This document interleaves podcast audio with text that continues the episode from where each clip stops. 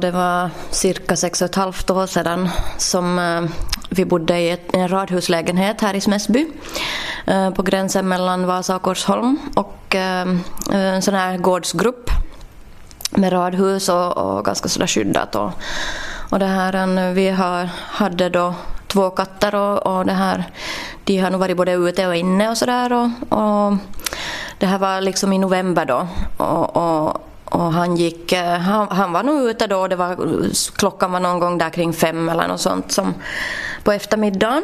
Och eh, vi, det här dottern sa bara att eh, han kom in, kom in då den här katten Elvis, eh, kom in och, och så, så ropade dottern att, att oj mamma att Elvis blöder ur munnen att, att va? och så gick vi och kollade och så här. Han gick nu bara till matskålen då så vi tänkte att det är nog inte så allvarligt att börja äta någonting där och, och så här men vi tog ju och kollade och så såg vi att det kom ur kom ur munnen då som det blödde och, och så här och, och vi tänkte att först att nå, det är någon tand som, som han har skadat eller något sånt. Och, nå, men vi som såg att det blödde så mycket och, och, det var ju svårt att stoppa det för det var inne i munnen någonstans. Och, och, så vi ringde till veterinären och klockan gick ju liksom då där och så den var ju till sist var den ju som klockan var typ sex eller någonting så då hade ju, de hade ju stängt veterinärerna och, så det var ju som dejourerande veterinär då som var i Pörtom då. Och vi ringde dit och han sa att vi skulle försöka stoppa en snöboll in i munnen för att stoppa det där blodet men, men det här det var nog ganska svårt och, och så här. Och, och, ja, och sen så, så liksom såg vi hur han blev som... Vi tänkte vi måste ju få iväg dem med honom och så vi får ju dem men det var ju ändå ganska långt bort så att, så att när vi kom fram sen så hade han förblött så. Så det gick inte att rädda, men att rädda honom då. Men det här, eh, den där veterinären sa då att det, det, då vi sa att vi tror att det var en mårdhund som eftersom vi fick höra av grannarna att, att det hade strukit en, en sån här skabbig mårdhund där på gården och, och, vi sa att vi trodde att det var det. Och, och han sa att det, det liksom hade spruckit, spruckit ett något sån här stort blodkärl i halsen men det syndes ingenting på utsidan av, av nacken. Liksom. För vi undersökte ju det också när vi, förrän vi for och så här men det, det kom bara ur munnen det där blodet. Så, så det här har vi hittat sedan spåren i snön där de hade sloddes då bara 10 meter från vår dörr där vid en lampstolpe i snön. Så där hittade vi mm, hår av både mårdhunden och, och våran katt och, och, kattens klor som var avbrakade där så den hade ju slått, sloddes där då för, för livet. Så det var nog sorgligt och dottern var ju med då och så allting och, och så det var nog så jättesorgligt. Tyson ligger här bredvid dig och, och myser. Tyson kom, kom till familjen efter att ni också har flyttat från det här stället där ni bodde tidigare. Men häromkring så har ni också sett mårdhundar, inte sant?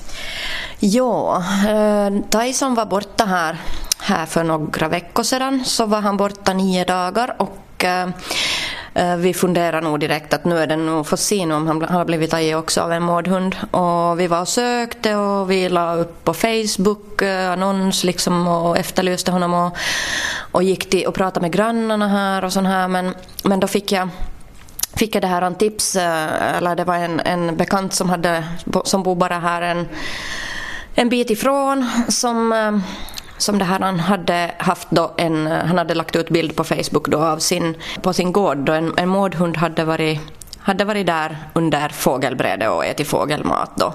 Så då efter det var vi ju, tappade vi ju riktigt hoppet om att Tyson skulle komma tillbaka då för då tänkte vi att, att det här, nu, nu hade nog, han har nog råkat ut för den där mårdhunden. Men som tur så kom ju Tyson tillbaka då sen att, att en kväll då bara sen så jamade han högt utanför dörren och glädjen var stor och han haltade in så han har nog varit med om någonting då men att kanske blivit påkörd av en bil eller någonting men han har haltat nog med benet och så här men vi, vi var ju som jätteglada att han kom tillbaka men mm. Känner du någon oro för att låta dina djur vara ute eller, eller hur tänker du? Ja, jag gör nog det. Att det är nog så att vi tar ju nog, jag har gjort det ända sedan den där katten Elvis då dog.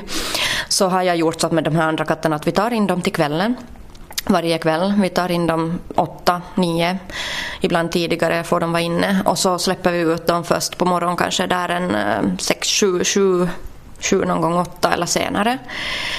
Och eh, det känns ju nog osäkert varje gång. De skulle borde liksom utrotas härifrån. De skulle, de skulle inte behöva vara här i tätorterna ändå så här att de skulle jaga dem mera, mera effektivt eller någonting för att, eh, att det här det är nog inte, inte något roligt. Jag menar de tar ju all, också fågelungar och de tar alla, allt som kommer i deras väg förstör de ju så att det är nog, det är nog inte, inte något roligt det där.